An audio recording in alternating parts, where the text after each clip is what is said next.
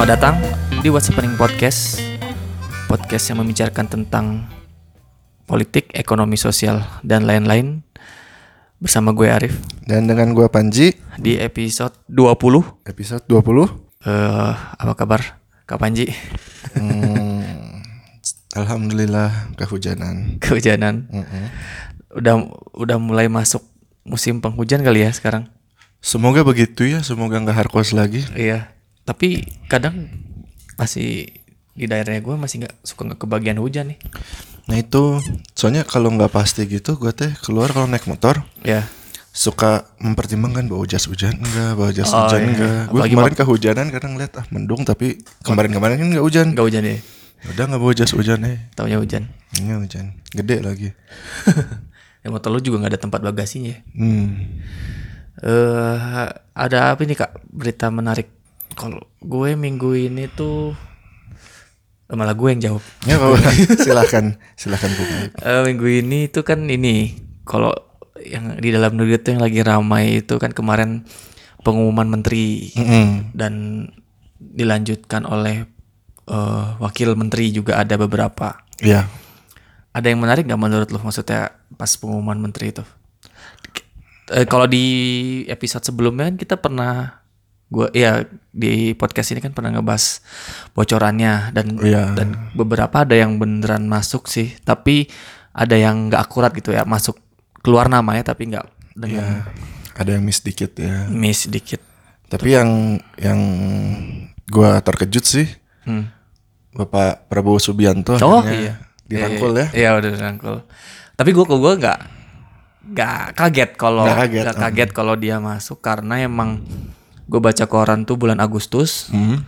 dan Pak Jokowi itu kayak ngegelar pertemuan dengan jadi after election gitu Hmm. Pak Jokowi ngundang makan malam wartawan gitu terus beberapa wartawan nanyain lah gitu kayak misalnya gi- apa beneran nggak Pak ingin eh nggak sih Pak Jokowi bilang nanya apa bilang ke eh nanya ke si wartawan gimana kalau saya j- kalau misalnya Pak apa Pak Prabowo gabung ke koalisi itu kaget aja si wartawannya gitu gitulah alasannya supaya kebijakan yang dikeluarkan Pak Jokowi itu makin kuat di parlemen bisa tembus gitu biar memperkuat parlemen sih intinya Iya. gitu jadi ya Gua ngelihat artikel Heeh. judulnya doang sih yang menarik. apa Gue lupa kata per katanya ya. hmm. Cuma intinya waktu pilihan nomor satu tuh Hmm. Kayak paket hemat gitu. Ya. Pilih satu dapat dua. buy one get two ya Buy one aduh. get two. Soalnya kalau pilih nomor dua belum tentu dapat yang nomor satu. oh iya benar benar iya iya iya. bagus bagus bagus itu sangat ini apa pinter juga ya. Iya pintar juga. tapi ya eh ya nggak kaget juga Prabowo Pak Prabowo masuk tapi mungkin ada aja pasti yang kecewa ya Iya. yang dan Gerindra masuk dua loh Iya. Pak Edi Prabowo tuh di KKP Oh, iya benar. sama-sama Prabowo namanya. Ada dua terus Prabowo. yang ada beberapa menteri yang apa kementerian yang gabung Yang digabungin. Eh, jadi namanya nomenklatur jadi ada Kemenko Maritim sekarang namanya Kemenko Maritim dan Investasi Mm-mm. itu masih di bawah Pak Luhut.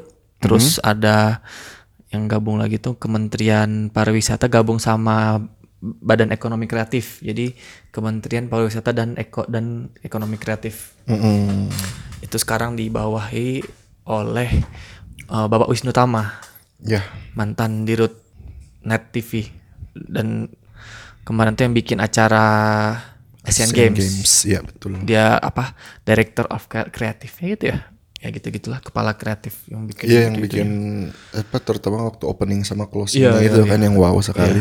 Terus yang menarik lagi apa yang lu itu kalau gue itu oh ada yang menteri muda Oh iya menteri-menteri muda Iya. ya. Eh, Nadiem Makarim Nadiem Makarim tuh masuk tuh list yang bocor Mm-mm. tapi nggak tahu gue kira Nadiem Makarim bakal di Kemenim kayak Kementerian Informasi dan Komunikasi gue kira Hmm, Taunya dia di pendidikan ya. oh pendidikan pendidikan juga gabung tuh tadi ya Mendikbud Mm-mm. Apa apa pendidikan dan budaya, sekarang Mendikbud dan eh, perguruan tinggi Ya. dan Dikti itu gabung juga ternyata terus ada yang menteri kementerian yang baru tuh eh, riset riset tuh beda lagi sendiri gitu. Mm-mm. Jadi nggak gabung sama dikti. Ya banyak sih yang apa kita nggak mungkin juga nyebutin satu-satu ya kepanjangan juga ngebahasnya.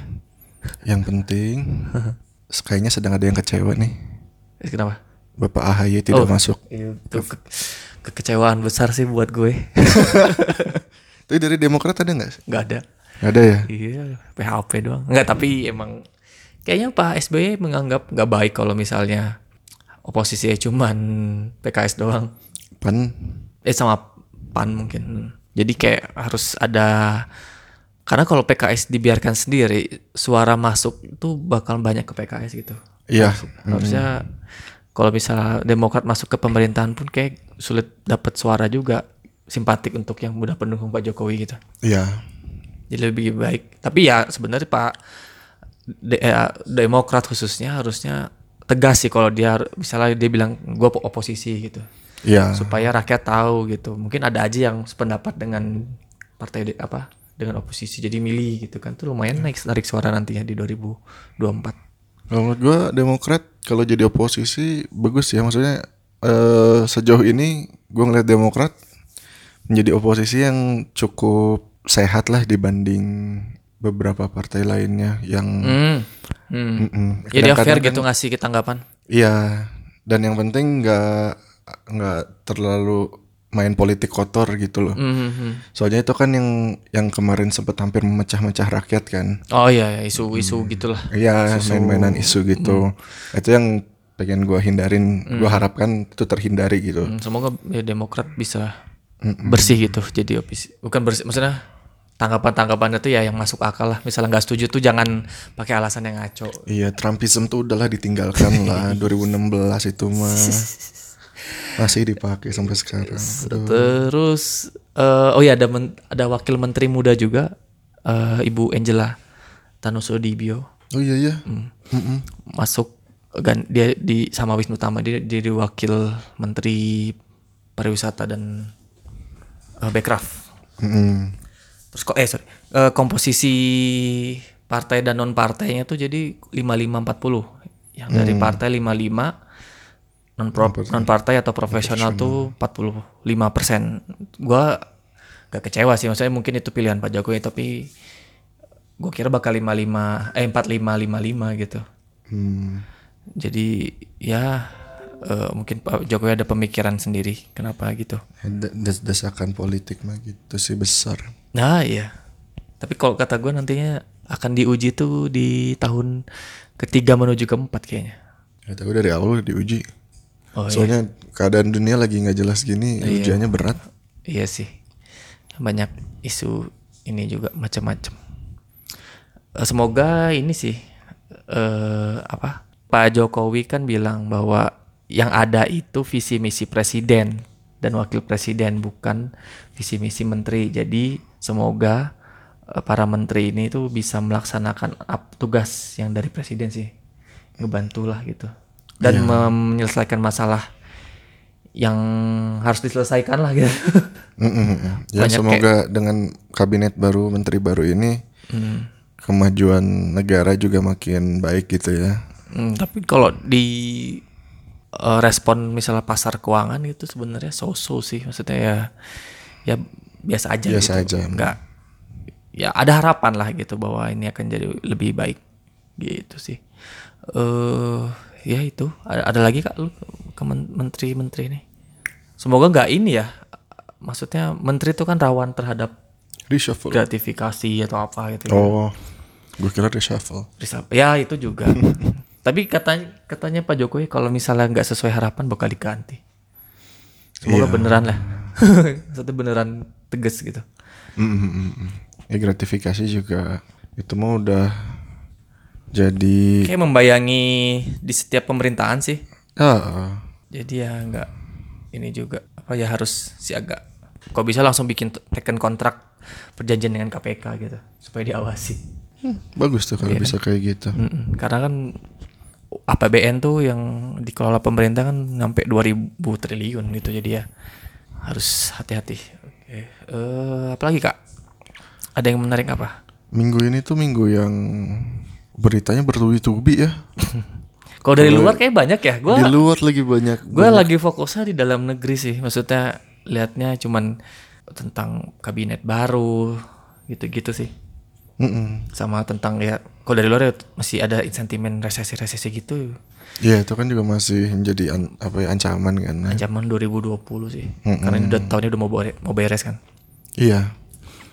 Kalau di luar ada apa lah kak yang lu Wah banyak sekali. yang lu baca? Ya, mungkin gue bahas singkat-singkat ya karena banyak banget. Pertama mungkin kita nggak sadar bahwa Kanada kemarin ada pemilu. Oh serius? Serius? Gue nggak tahu loh itu. Karena Gue tahu just apa Justin Trudeau-nya campaign tapi gak tahu kapan.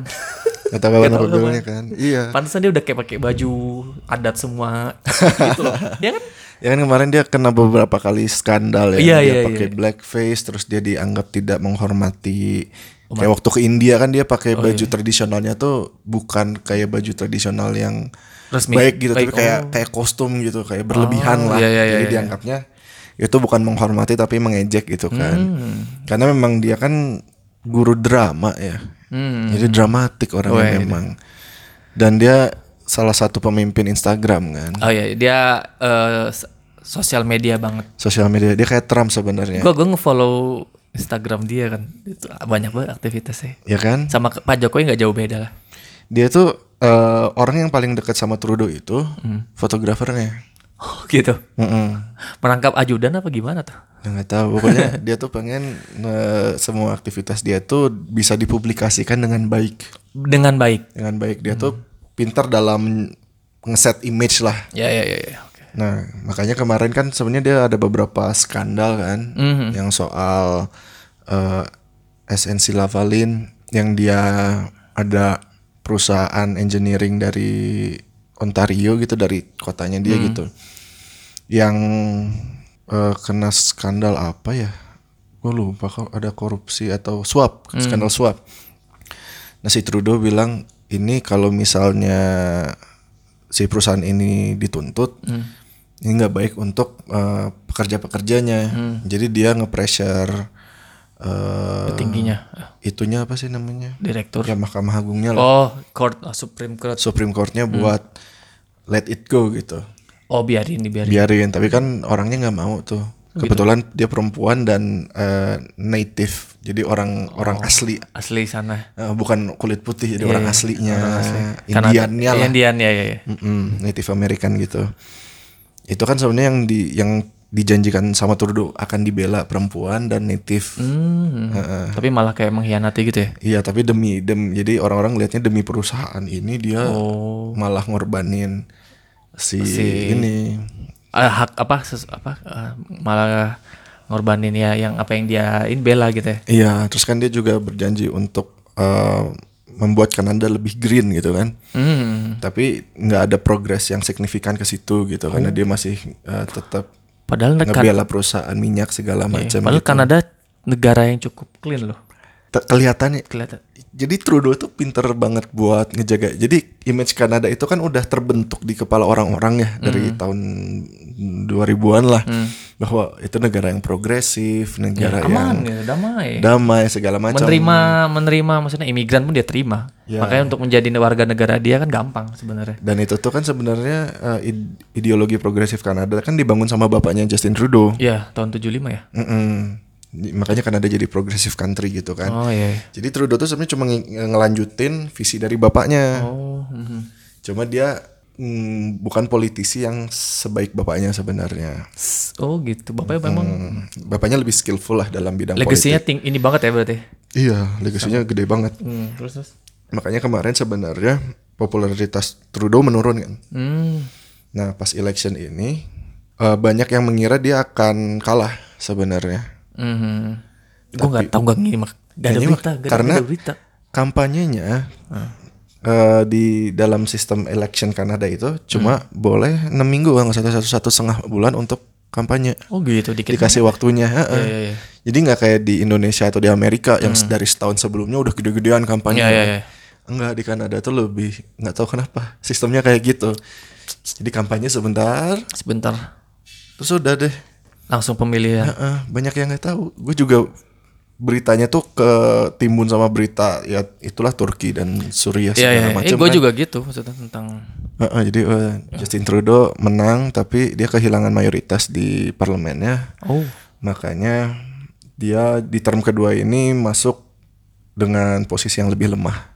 Oh gitu. Mm-mm, jadi Oh, dia dia- kalau di Kanada multi partai ya kayak kita. multi partai. Jadi dia perlu banyak lobby-lobby partai-partai lainnya lah Hmm, untuk bisa dapat suara di parlemen ya. untuk bisa dapat suara di parlemen. Hmm, Terus gerakan-gerakan protes juga di luar negeri lagi banyak ya di mana-mana. Kayaknya uh, Hong Kong mengawali tapi Hong Kong mengawali ya.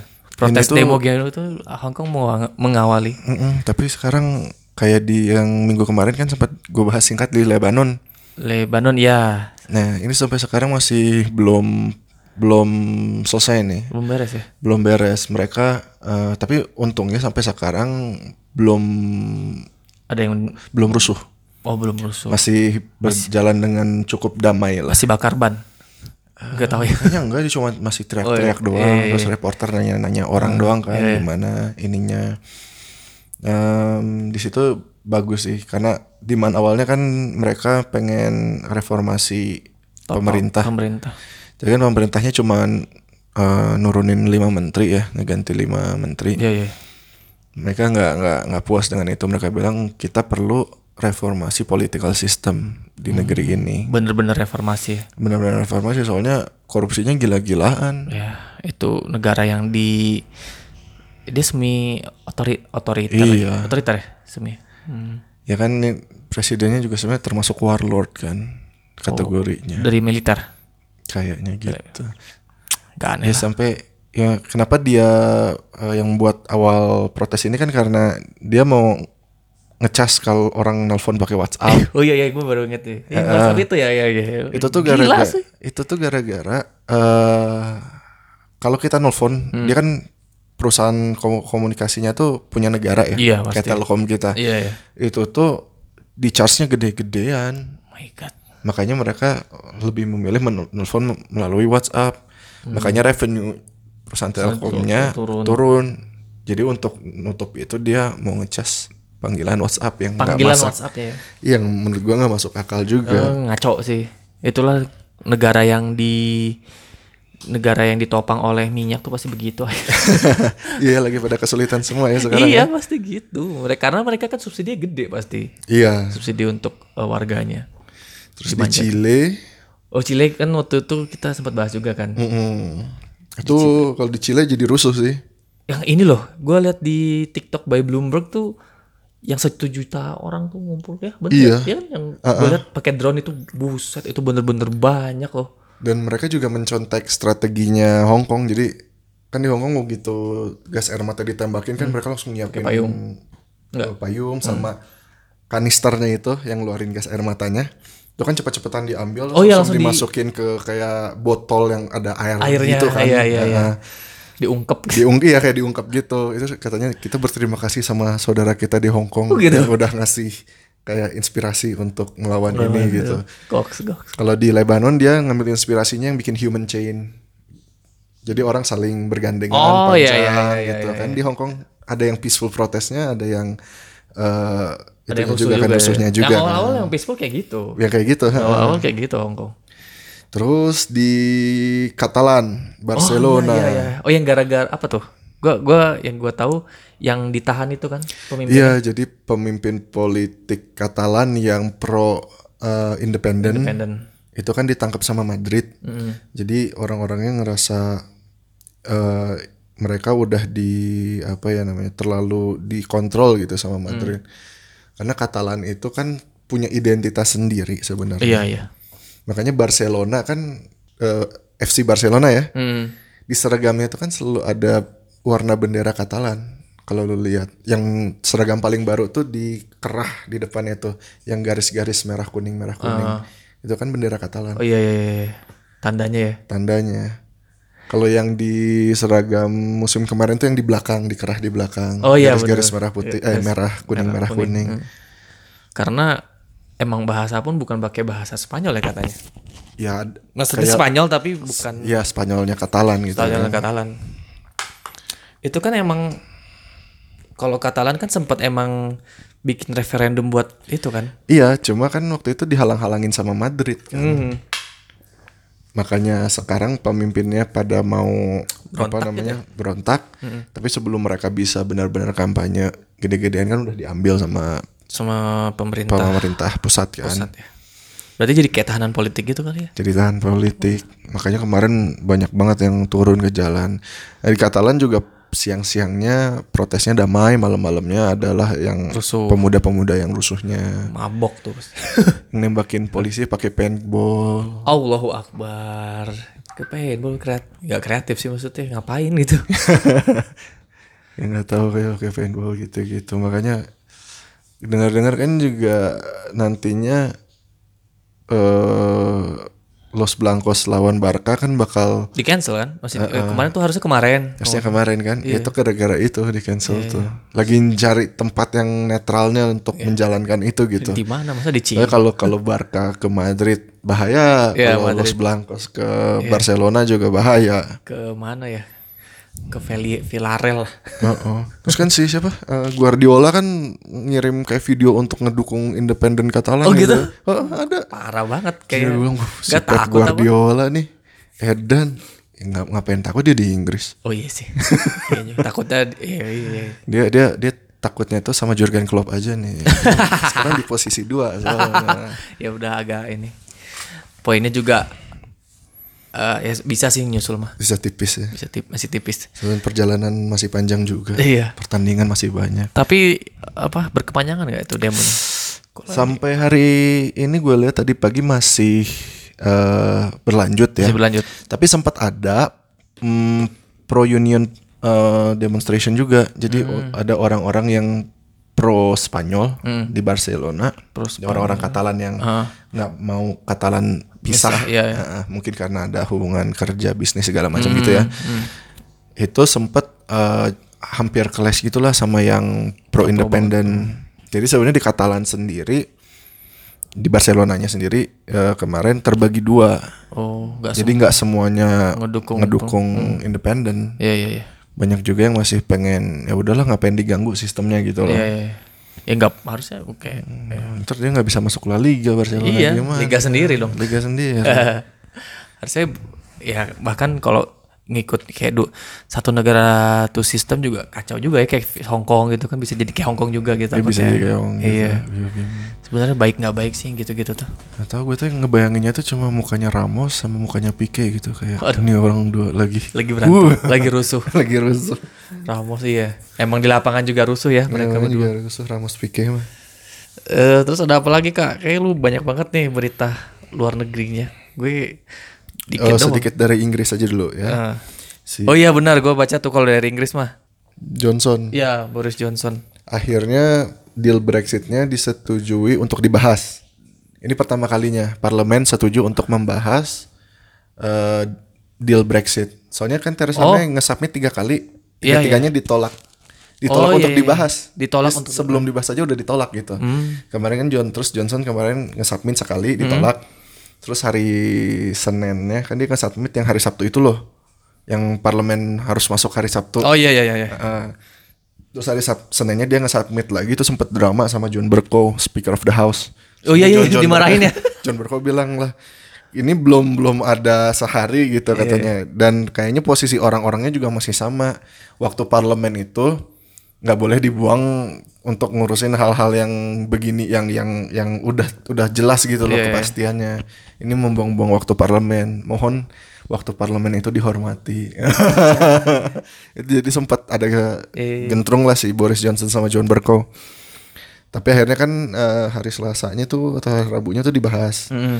Dan akhirnya Jo- Johnson bisa dapat support lah dari beberapa oposisi. Ah. Jadi yang penting ya udahlah kita bahas dulu aja deal Brexitnya kan dibahas belum tentu diterima gitu kan. Maksudnya Iya, untuk iya. dibaca satu persatu untuk dilihat lagi ditelaah ini tuh yang itu tuh yang pernah gua kasih gua kasih tahu gak sih kak nonton sidang itu tuh eh bon, Joris Bonson di sidang lagi itu ya iya itu hari ya Rabu ya bener Rabu iya. Jadi dia berhasil em, masukin dealnya untuk dibahas. Hmm. Tapi kan Boris Johnson tetap punya keinginan ya. Hmm.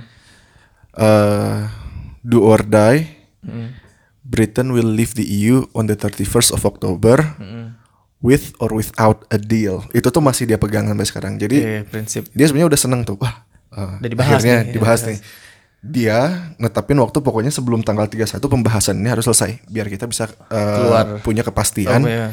di tanggal 31 Oktober. Iya. Tapi parlemen bilang nggak bisa. Ini tuh perjanjian yang sangat-sangat krusial, penting Hmm. dan banyak. Ini kita harus ngebahas dengan teliti line per line-nya itu kata per katanya tuh harus benar-benar ditelaah gitu kan. Ya undang-undang loh ini, bukan Iya. hal yang remeh. Makanya mereka bilang kita nggak bisa terburu-buru. Ya. Kan kita udah minta ekstensi dari eh, Uni Eropa. Hmm. Ya jadi kita harus inilah harus bisa sabar. Iya. Nggak usah terburu-buru ngejar deadline tanggal 31 Oktober. Tapi kemarin Uni Eropa belum ngasih jawaban. Oh, iya, iya. Nah kemarin hari Sabtu atau hari Jumat gitu. Uni Eropa akhirnya ngasih. Ya. Oke kita eh, setuju Setuju. untuk memperpanjang deadline-nya ke Deadline. tanggal 31 Januari, Januari. 2020. Heeh, tapi mereka bilang Hmm. makanya namanya tuh eh, relax tension gitu. Relax. relax tension. Oh iya. Jadi extension yang agak relax. Iya, Jadi iya. katanya tapi kalau misalnya parlemen Inggris sudah bisa mencapai kesepakatan Mm-mm, bisa lebih cepat. sebelum tanggal 31 Januari kita nggak perlu nunggu sampai selama itu. Kita bisa langsung ngebahas itu Oh. di parlemen Uni Iya, Eropa. Goks ya. Iya karena Uni Eropanya mah kan tugasnya mah tinggal Dila atau itu enggak. lagi. Iya. Nah, Jadi mereka mah udah siap lah, Hmm. tinggal Inggrisnya. Tinggal gimana Inggris dalam Inggrisnya aja sih sebenarnya. Lalu berita yang aneh lagi dari Inggris. Mm. Jadi kemarin tuh ada truk ya yang ngebawa ya kontainer gitu, kontainer tapi yang pakai eh, refrigeration Kontainer. Oh ya ya yang biasa buat ngirim daging kali ya, buat Bu ya. ngirim daging fresh, ya, fresh daging gitu. frozen food gitu. ya. Frozen food ah. Itu kan mm, masuk ke UK Hmm. lewat London kalau nggak salah dari Belgia. Hmm. Waktu dicek isi di dalamnya Hmm. itu tuh ditemukan 39 mayat. Waduh. Ngeri. Ditemukan 39 tubuh sudah tidak bernyawa, 31 laki-laki dan 8 perempuan, Hmm. 38 dewasa dan satu anak-anak. Anak-anak. Eh anak-anak remaja. Remaja. Tapi gua nggak tahu yang remaja ini eh Cewek atau cowok? Hmm. perempuan atau yang laki-laki ya. Jadi itu penemuan yang mengejutkan ya Iya iya. karena gue juga pertama bingung kok bisa ada 3 sampai 39 orang tuh nggak dikit loh. Iya iya. Gak Itu ya. iya, untung ke Oh iya iya benar. Gue bingungnya kok bisa ke gitu.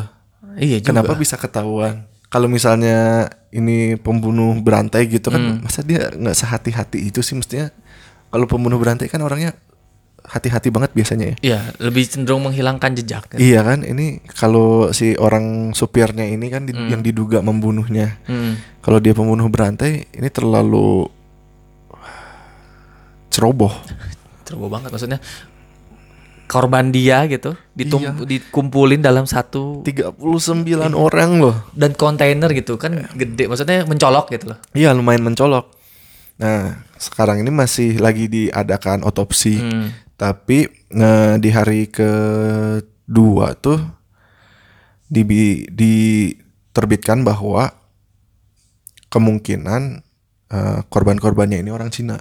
Cina. Dari dari dari kelihatan physical, Physical, appearance-nya, oh, iya, iya, iya. dari fisiknya. Hmm. Ini kayaknya orang Cina nih, Iya, karena iya. memang mm, banyak orang Cina yang Ada di bermigrasi, bermigrasi kan di- ke ke Inggris. ke Inggris dan banyak juga yang mereka melalui jalur yang nggak legal, Gak legal. Dengan penyeludupan segala macam Hmm. gitu. Tetapi hari keempat itu ada kabar dari Vietnam. Nah, Jadi ada satu ibu yang anaknya sedang mencari pekerjaan, mencari Hmm. kesempatan kerja di kerja di Eropa. Eropa.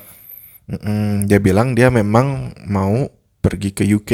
Oh, itu waktu itu dia lagi gitu. iya waktu itu anaknya itu lagi di Prancis kalau nggak Hmm. salah dia bilang iya saya mau ke UK Hmm. bentar lagi katanya oke yang penting kamu hati-hati katanya Iya, terus nggak ada kabar tiba-tiba anaknya ngirim SMS yang rada-rada meri- bikin merinding ya Hmm. dia bilang ibu saya nggak bisa nafas saya minta maaf kalau saya ada salah saya minta maaf kepada ayah dan ibu sepertinya saya akan mati. Waduh. Terakhirnya.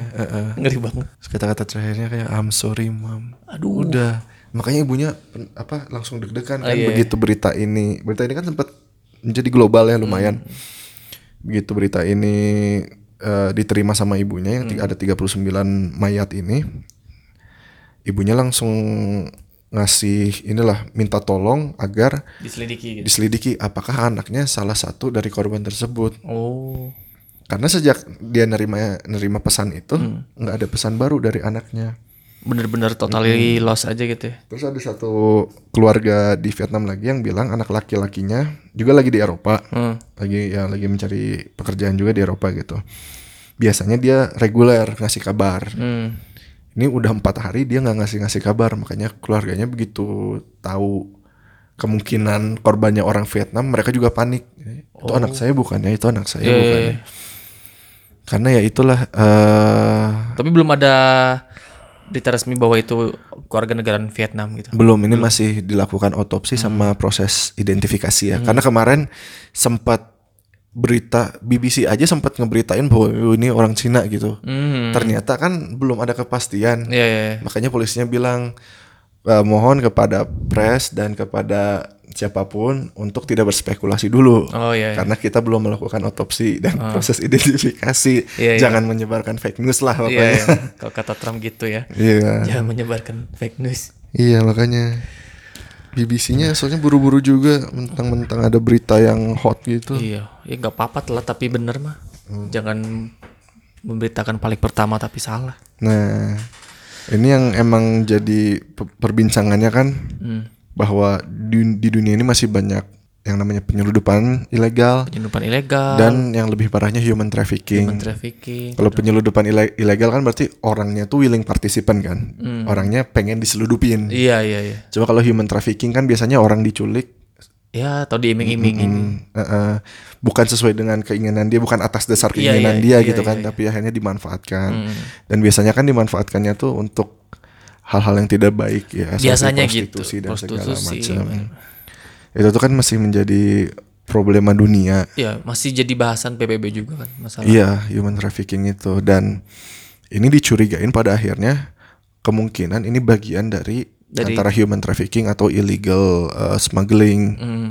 Jadi setelah drivernya ditangkap, ada Drivernya ada lagi gitu ya, maksud gue kira tuh tank ya, si truknya tuh ya diam aja gitu terus ditemukan. enggak, soalnya lagi kayak ada custom check gitu kalau nggak salah. Jadi dapat ketangkap drivernya. Terus ada yang punya truknya juga ditangkap dua orang eh, suami istri. Terus ada tiga orang lagi yang berhubungan dengan Si kontainer si itu. kontainer tersebut. Jadi yang hari ini yang lagi diproses itu si baru si drivernya. Drivernya. Ya karena dia kan orang yang membawa itu. Mm-mm, masih 25 tahun. Waduh. Orang eh, Irlandia Utara. Oh. Namanya Dari Belgia. Terus tapi orangnya oleh eh dari Belgia kan tadi? Ya dia, dia dari a- awal yang terdeteksinya tuh dari Belgia. Si- Cuma dia sempat ke Irlandia Utara gitu ya. Hmm, ya jauh juga gitu sih. Iya. Dan ini tuh ya ada yang bilang kan kalau komunitas-komunitas orang ilegal Oh, legal. mohon apa bantu kita untuk identifikasi. Mhm. karena biasanya kan orang-orang yang mau masuk ke, ke negara secara ilegal tuh udah punya relasi gitu di Iya, sananya iya, ya kayak premannya gitu lah ya. kayak premannya gitu kan. Ya mohon kerjasamanya kalian nggak akan diapa-apain Iya, gitu iya. ya kita nggak akan uh, mempermasalahkan status kalian yang ilegal. Justru kita bisa membantu. Hmm. tapi kita butuh bantuan kalian untuk identifikasi apakah orang-orang ini dari dari Vietnam, Dari atau Vietnam dari atau- mana gitu katanya Ya karena yang ya dari yang Cina, Vietnam, ya daratan Asia Tenggara tuh atau Asia Selatan kan mirip-mirip ya. Jepang bisa apa tahu bisa. Iya, sebenarnya kan ini yang membuat apa ya Brexit itu populer waktu itu kan Hmm. karena banyaknya imigran yang masuk ke Inggris Iya. gitu kan. Tapi dengan diperketatnya border, Hmm. kayak Trump pengen memperketat border antara USA dan Meksiko, itu tuh sebenarnya nggak mengurangi jumlah orang Yang yang, masuk, masuk ke secara resmi. volume dari Oh, iya. volume ya. Dia cuma mm, nge-shift dari proses yang legal ke ilegal. Iya iya benar benar benar. Karena kalau orang yang benar-benar desperate pengen ke ke Inggris kah Iya. atau ke Amerika, mereka akan mencoba segala jenis cara, Cara untuk ke sana. mau misal gali tanah, gali dari selokan, Iya, makanya dibilang sebenarnya solusinya ya kita harus em, membuka, Membuka. bordernya itu. Heeh, membuka peluang untuk orang masuk secara legal. Tinggal bagaimana efisiensi dan pengaturannya aja yang harus diatur gitu kan. Iya, iya. Bukan dengan menu- menutup border katanya. Karena kalau orang masuk secara legal, dia bisa terdata. Iya. Jadi kalau ada apa-apa pun dia bisa eh, nggak nggak segan ke polisi, Iya. kalau sakit nggak segan ke rumah sakit. Sedangkan kalau orang yang masuk secara ilegal, itu itu sama aja kayak slave. Soalnya dia kan berarti nggak bisa lapor ke mana-mana Iya, dan dia iya. bisa dipekerjakan seenaknya. Seenaknya tanpa maksudnya hak asasi manusia juga dia Iya. bisa terampas gitu. Iya betul hak asasinya bisa ter, ter- di- diambil, Diambil. gitu kan sama smugglernya. Iya. Jadi ya sama aja memperbanyak perbudakan modern lah sebenarnya itu tuh. Makanya ini sempat ada dikait-kaitin lah sama Brexit. Kenapa mereka nggak boleh Brexit? Karena kayak investi- investigasi sekarang kan mereka harus kerja sama sama Belgia, Iya, iya. kemungkinan sama Prancis. Heeh. Nah, kalau misalnya Brexit ini nggak berakhir dengan benar, hal-hal seperti ini akan sulit untuk dilacak, Dilacak, dideteksi gitu dan kriminal-kriminal itu bisa lebih eh, punya kesempatan untuk bebas ke sana kemari. Iya. Cenderung lebih susah lah untuk nih. Mm-mm. Ya maksudnya krusial juga ya, maksudnya kan ya, dari Belgia. Siapa tahu kan ya maksudnya kan kalau misalnya Inggris keluar tuh kan ribet tuh misalnya ada ada nggak perjanjian dengan Belgia gitu. Taunya belum kan maksudnya nggak bisa dilanjut nih kasus. Iya, Iya kan? makanya sulitnya itu dan eh, ada ini juga sih aktivis di Vietnam yang dia juga pernah mengalami hal yang sama. Dia mencoba untuk cari kesempatan di Eropa gitu, tapi dia eh, sadar gitu betapa sulitnya Iya ya.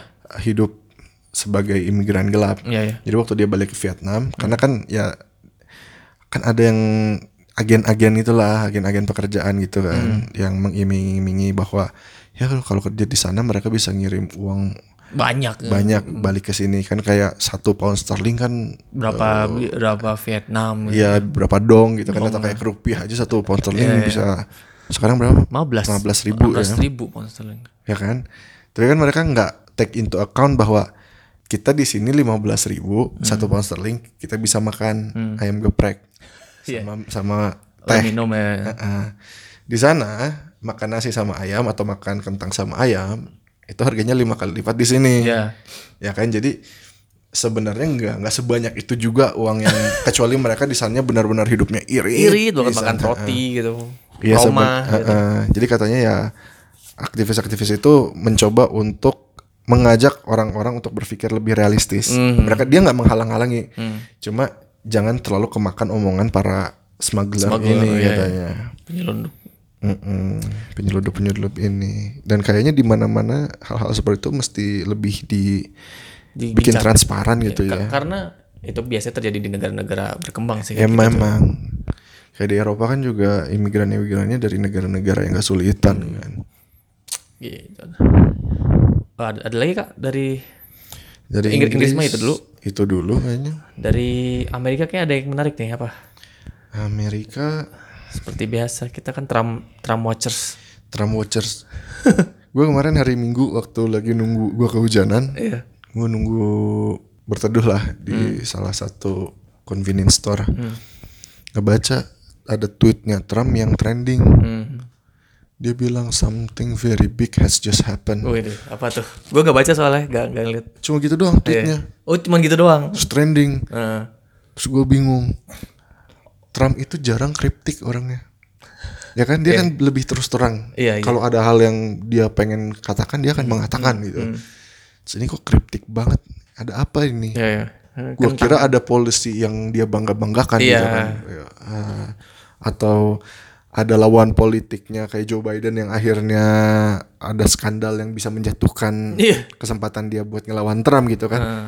Jadi gue sempat bingung ada apa ini si Trump? Apakah dia menang? Ini kan dia lagi lagi coba dimakzulkan kan? Hmm. Gue juga sempat mikir apakah Itu terjadi. sidangnya Sukses. lebih membela dia gitu Iya. dibanding lawan-lawannya. Ternyata besok paginya gue mendapatkan jawaban. Oh apa tuh? Gue nonton di YouTube ya. di BBC gua nontonnya.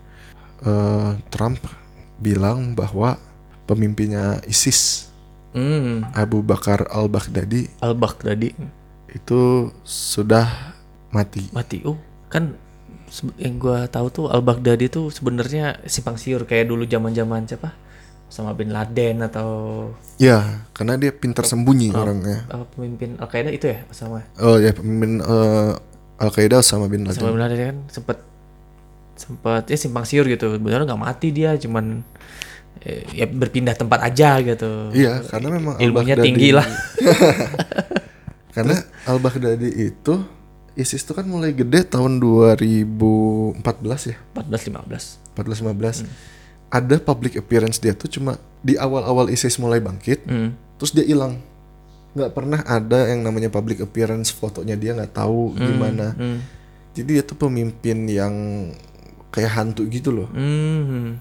Baru kemarin bulan em, awal awal tahun ini atau akhir-akhir tahun kemarin gitu. Hmm. Ada satu video dia lagi ceramah di masjid di Mosul kalau nggak salah Hmm. Di Irak ya. di Irak. Hmm.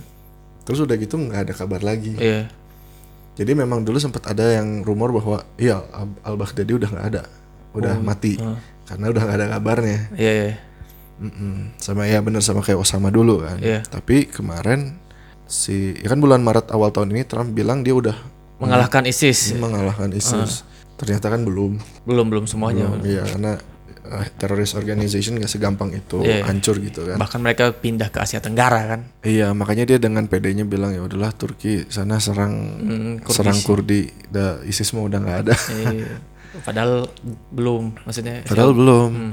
Nah jadi kemarin si Trump mengumumkan bahwa dia eh, Delta Force-nya Force. US ya Hmm. berhasil melacak dengan bantuan CIA dan dibantu oleh Kurdi, Oh gitu. Iraki Kurdi dan Syrian Kurdi. Syrian Kurdi itu yang kemarin diserang sama, Iya sama Erdogan. ya. dengan bantuan mereka, mereka bisa tahu di mana Al Baghdadi berada. Oh, gokil Jadi juga. intelnya tuh dari dari dari orang-orang yang dihianati Trump ini yang ngasih dia intel. terus terus. Dan akhirnya kemarin dilakukan penyerangan. Hmm. Niatnya sih untuk ditangkap Mau hidup-hidup gitu. hidup-hidup. Jadi katanya kata Trump sih pasukan Amerika itu begitu uh, udah mengepung rumahnya, Hmm. mereka ngasih kesempatan katanya Al Baghdadi ke Al Baghdadi Hmm. keluar sekarang. Hmm. Kita nggak akan ngapa-ngapain, kita cuma mau nangkap. Udah nyerah aja Iya. karena kamu sudah terkepung. Ah. Tapi Al Baghdadinya nggak mau.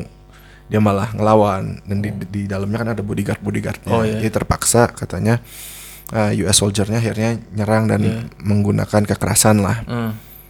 Di dalam situ tuh ada beberapa anak kecil Di dalam rumahnya itu. ada rumah itu. Bodyguardnya pada akhirnya pada mati dan sebagian uh, inilah luka-luka parah gitu. Hmm. Terus Al Baghdadinya di bawah jadi di rumah itu ada ada terowongan bawah tanah. Oh, tembus gitu ya. Ya buat buat escape route gitu Iya. kan. Jadi si Al Baghdadi begitu lagi seru-serunya tuh tembak-tembakan, Hmm. dia kabur. Dia ngebawa tiga anaknya. Hmm. Dia punya anak kan tiga. Hmm. Dia ngebawa tiga anaknya. Ini agak grafik ya kayaknya. Grafik mana? Maksudnya Oh. ag- agak sulit untuk didengar nantinya ini. Oh, gitu ya. Iya. Jadi terowongan itu kan terowongan untuk dia kabur. Hmm. Tapi itu tuh nggak bukan terowongan kayak yang lurus jelas gitu. Iya, iya, iya. Ini arah ke sini ke sini sini kabur karena mungkin terowongan itu juga didesain untuk mengecoh orang yang mau mengejar dia. Iya, benar benar benar. Jadi Iya. biar si Al Baghdadi doang yang tahu ini belok-beloknya ah, yang kayak labirin ke mana, lah ya. Kayak labirin. Iya. iya. Tapi karena dia lagi panik Hmm. dan eh, si Delta Force ini ngebawa anjing kan, anjing pelacak. Oh, gitu. Ya anjing pelacak kan dia lebih cepet ya. Iyalah. Dan lebih di kegelapan gitu dia mah tahu aja Insting harus ke mana karena instingnya. pakai ciuman. Iya jadi kayaknya bikin Al Baghdadi itu lebih panik. Hmm. Akhirnya dia salah belok. Hmm. Akhirnya dia Ke- ke- terperangkap di jalur buntu gitu di jalan buntu di terowongan buntu. Dan di situ akhirnya dia bawa inilah bawa bom bunuh diri Oh, suicide. suicide vest itu. Hmm. Ya gitulah. Pada Intinya, akhirnya. pada akhirnya. Jadi dia tidak ditembak oleh Tentara. tentara Amerika, dia tidak dibom oleh tentara Hmm. Amerika dan dia tidak diserang oleh anjingnya Delta Force. Tapi emang bunuh diri. Gue kira kayak di di film apa ya? Jadi di misal pakai pakai bom drone. Yang yang disayangkan ya tadi kan dia bawa anak anak-anaknya ya? Mati juga? Atau ikutan mati karena dikena bom cipratan dia gitu. ya begitu sepertinya. Dari laporannya Trump sih begitu. Dari laporan itu tapi udah fix di DNA-nya gitu? Katanya gitu. Soalnya kan begitu dia nge- ya meledakkan dirinya sendiri kan terowongan namanya terowongan kan runtuh. Iya jadi du- sekitar dua jam itu Buat prajuritnya masih harus Menggali. menggali nyari buat konfirmasi. Cuma katanya sih menurut tes DNA yang dilakukan di tempat Hmm. itu dikonfirmasi bahwa itu adalah Abu Bakar al Baghdadi katanya. Semoga beneran lah ya. Gue antar nggak percaya kak? Atau gue bukannya em, kayaknya sih emang dia gitu Hmm. kayaknya. Cuma gue rada menyayangkan bahwa yang ini terjadi di daerahnya Trump di eranya Trump gitu di administrasinya Trump. Kenapa nggak nunggu dua tahun lagi gitu? Kenapa dia nggak bisa hide and seek lebih baik iya iya iya. untuk untuk paling nggak dua tahun gitu? Eh, ditahan-tahan gitu ya? Karena kalau eh, gue gue nonton itunya sih nonton si Trump pidato soal ini. Kayak kemarin deh, soalnya di live streaming gitu. iya Pada dia. kan waktu Obama kan juga waktu Bin Laden eh, diserang, dan akhirnya ditembak sama SEAL Team 6 kan Obama eh, mengadakan pidato kan? Hmm. kalau lu tonton pidatonya Obama dan pidatonya Trump Hmm. itu bedanya jauh banget cara pembawaannya bahasa yang digunakannya. Eh, jadi Obama cuma bilang oke kita melakukan operasi. Jadi kita dulu sempat ada intel bahwa Osama ada di sini. Hmm. terus kita mengirim SEAL Team 6 dan dia bisa melakukannya dengan baik. Hmm. nggak ada nggak ada korban dari kita. Hmm. dan Osama bin Laden sudah dipastikan mati. Itu sudah sudah dipastikan segala macam. Ya udah selesai gitu kan. Kalau Trump mah dia kayak soalnya kan sebagai presiden Hmm. kalau ada uh, special operation yang yang yang targetnya tuh benar-benar High. high person of interest Ah. dia kan nonton langsung Iya, di iya. situation room kayak Ya, bener, Obama kan bener, bener, bener. nonton langsung tuh SEAL Team 6 bekerja Iya iya. si Trump pun begitu Ah. jadi dia nonton langsung waktu Delta Force itu lagi mm, nyerang eh, persembunyiannya Eh, live stream ya? Al-Baghdadi. Iya, iya. Live stream. Kalau Obama tuh kan kayak presiden Hmm. dia sebagai orang gitu ya. Dia cuma ngasih ngasih tahu ke rakyatnya ke dunia bahwa ya kita sudah melakukan ini. Iya. Kalau Trump itu kayak dia ngasih review film. Begitu.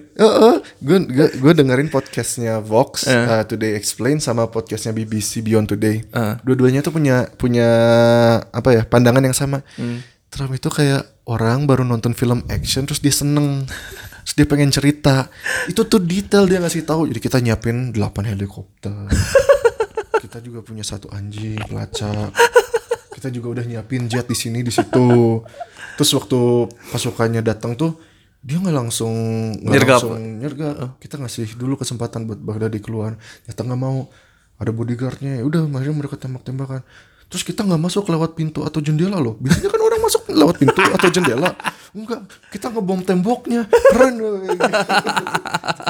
gue nggak kepikiran itu bisa jadiin option buat masak.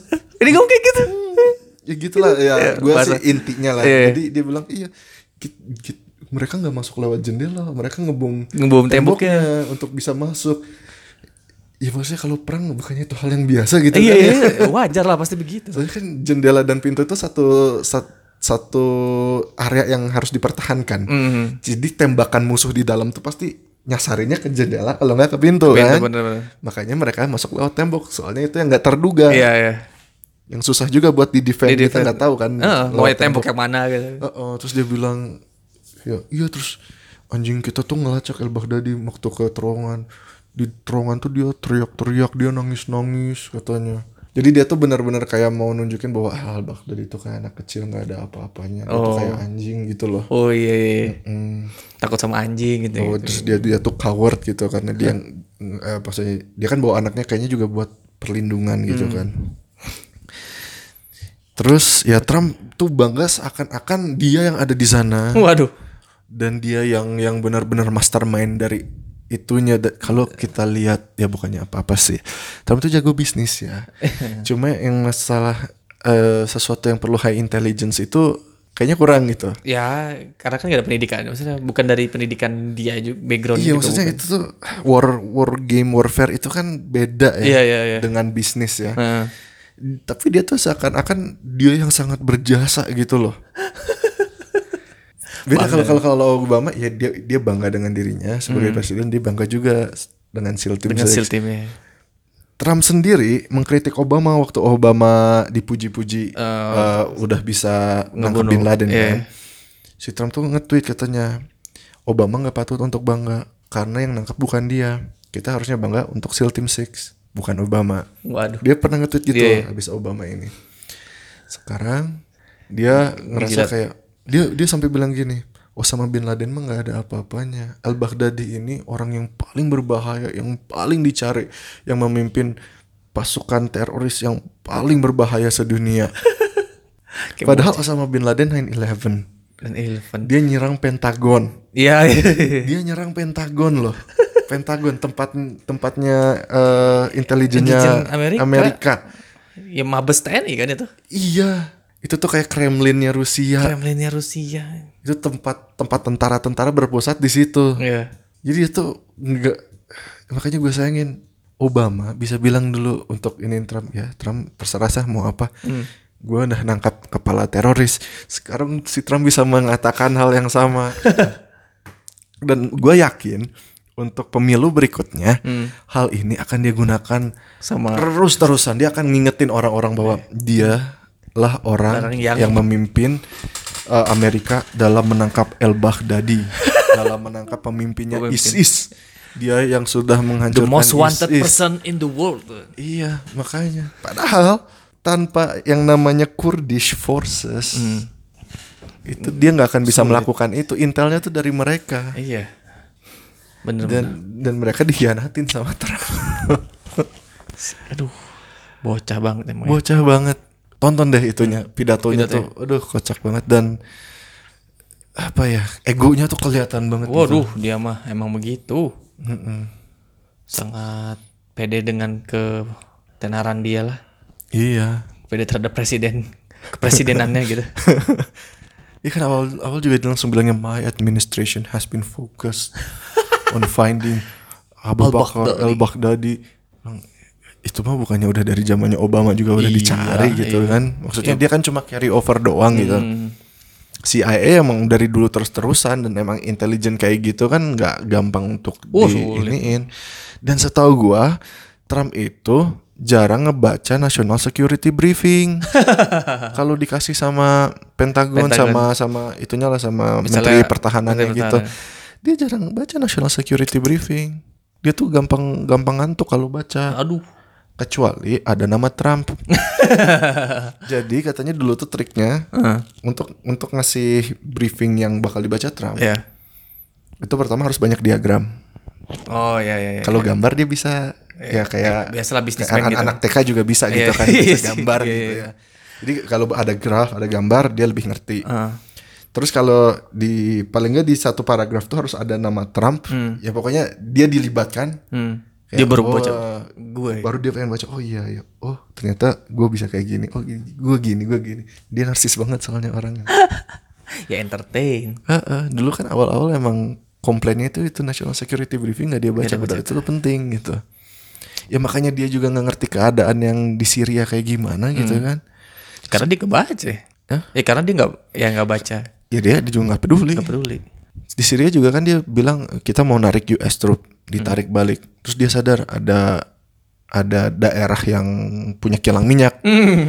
Dikirim lagi lah pasukan ke sana. Gitu. Heeh. Jadi US troop itu di dikeluarin dari daerahnya Kurdi, dipindahin ke daerah yang ada minyaknya di Syria. Di sini di buat tahunya ada apa? ah, Perusahaan minyak Amerika apa tuh? Langsung Nah, kan dibilang gini, kita akan ngejaga ini biar nggak diambil sama ISIS, kata Trump. Mm-mm. Kita akan kerjasama sama Kurdi biar mereka bisa apa ya uh, Dapat. dapat income dari Income. sini. Tapi kata Trump, kayaknya kita perlu jasa perusahaan minyak Amerika deh buat ngebangun infrastrukturnya. Mungkin Exxon Mobil bisa. Exxon. Iya ben. Oh gitu ya. Dia nyebutin Exxon Mobil untuk datang ke ke daerah, daerah situ, ke daerah minyak itu untuk ngebangun infrastruktur. Kalau infrastrukturnya udah dibangun, minyaknya belum tentu di di am, dikasih ke Kurdi, Kurdi, kan. iya, iya. Heeh, dia juga si Trump tuh bilang ya kita ngejaga ini biar nggak diambil sama Rusia, biar nggak Iya. diambil sama Turki. Ya emang rebutan juga sih sama Rusia di situ. rebutan juga cuma maksudnya sof- kalau kita ngelihat dari sovereignty-nya ya Hmm. di arah situ itu masih punya Syria.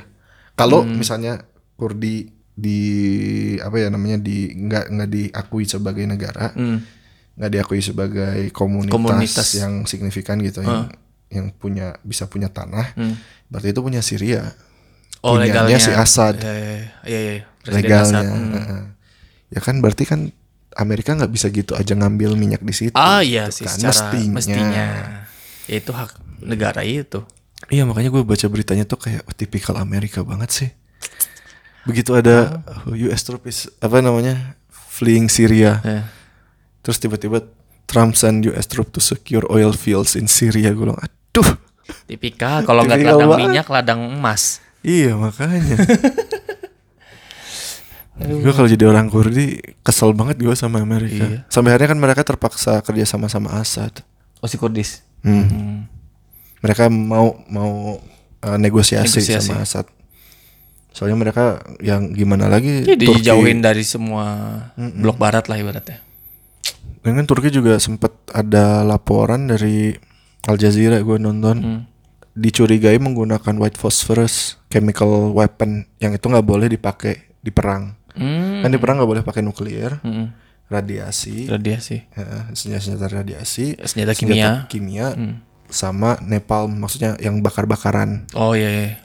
Karena itu eh, bisa menyebabkan kalau misalnya orang yang nggak mati di tempat itu menyebabkan Lumpuh. apa ya penderitaan yang sangat lah. Iya, ya lumpuh atau Kalau lumpuh mah masih lumayan. Ini benar-benar seumur hidup akan sakit gitu oh badannya. iya, iya kayak iya. Kayak luka bakar aja kan kalau Iya sih. sesembuh-sembuhnya luka bakar kan lama banget tuh nggak bisa disentuh. Iya iya iya. Ya, segala macam terus banyak komplikasi. Itu kan makanya nggak boleh dipakai kan karena senjata yang boleh dipakai itu yang benar-benar clean lah maksudnya nggak terlalu menyebabkan kesakitan efek samping yang gimana gitu. Hmm. Nah, kemarin Al Jazeera melaporkan bahwa ada ada kecurigaan bahwa Turki menggunakan itu. Turki. Dan dan Trump tuh nggak nggak peduli dengan itu gitu. Dia masih mendukung Turki. Masih ya saat ini. Mm-mm. Jadi ya sangat disayangkan sebenarnya. Ya gue juga nggak terlalu pengen organisasi teroris berjaya gitu Iya, cuma. iya. Ini Kalau gue lihat kayak misalnya tanda-tanda ISIS udah mau tamat di daerah Timur Tengah tuh ketika dia udah kayak mindahin basis dia ke Asia Tenggara gitu loh yang di Filipina itu. Iya. Ya kan ke Iya, iya benar-benar. ke Asia Tenggara atau enggak ke itu ke daerah India atau Pakistan gitu. Mm-mm. Pasti itu mereka menyebar karena ideologi-ideologinya nggak akan hilang sebenarnya sampai bener-bener emang udah hilang gitu musnah. Iya, s- ya emang gitu sih. Soalnya itu kan biasanya dendam dan rasa benci yang yang Iya, dibangkitin tuh. Hmm. Dan untuk orang bisa memaafkan itu kan sulit. Sulit ya. Apalagi kalau udah dikompor-komporin gitu kan. Iya. Itu kan sekarang jadi taktik politik gitu untuk membenci lawan. Hmm. Padahal disagreement itu kan bukan berarti kita harus membenci dia gitu. Iya, iya, iya. gue nggak setuju misalnya nggak setuju sama pendapat lo ya udah gitu nggak usah harus membenci orangnya. Iya gitu kan. Hmm. Itu yang membuat konflik di dunia kan. Hmm. Aduh nggak ada musuh baru dong. ya, Iya kan Putin jadi balat. jutin banget. Cina sekarang Kemarin aja sampai si Trump bilang ya kita terima kasih juga sama Rusia, Oh, gitu. sama sama Turki. Hmm, baik ya. Terus Gitu. orang-orang bingung kenapa Rusia diterima kasihin? Emang mereka ngebantu? Ternyata pesawat Amerika itu perlu melewati uh, Daerah air airspace yang dikontrol sama Rusia. Oh. Dan Rusia kayak ya udahlah silahkan aja lewat asal lewat doang mah. Hmm. Tapi si Trump tuh kayak kayak seakan-akan Rusia tuh ngebantuin sesuatu yang signifikan gitu loh. Makanya orang-orang pada bingung "Ah, kenapa malah terima kasih sama Rusia. Terus close ally-nya gitu kayak Jerman, Inggris. Prancis, Inggris itu nggak disebut sama Oh, sekali. gitu. Ya, karena memang mereka nggak nggak nggak ikutan Ikut operasi itu. kan. mereka mah ikut perang di misalnya yang pak war gedenya aja kali ya. Ya, ya gitulah Trump itu presiden yang unik ya. Hmm. Gue nggak tahu apakah gue pengen ada empat tahun Trump lagi atau enggak. gue sih Oh ya berita-beritanya tuh menakjubkan loh Trump. karena sebagai salah satu orang maksudnya ya sebagai ngelihat orang-orang yang ada di dalam financial market gitu kayak nggak nggak suka Trump maksudnya gue nggak suka nggak seneng sama kelakuannya Trump Ya karena dia bagi investor pun itu memberikan ketidakpastian ya karena dia gampang, gampang gampang berubah. berubah. Gampang kepengaruh juga. Mm-mm. Ya kalau misalnya ada polusi yang membuat dia nggak populer tuh ya bisa mencari Iya. ubah ini kan biar dia lebih populer. bener-bener Dia tuh cuma cuma pengen jadi populer sebenarnya. namanya entertain Iya sih dia entertainer. ada lagi kak Ya sekian dulu kali ya sekian. kali ini mohon maaf bila ada kata-kata yang salah atau kurang berkenan eh, mohon dimaafkan sekian untuk episode kita kali ini sampai jumpa di episode selanjutnya shining out Thank you.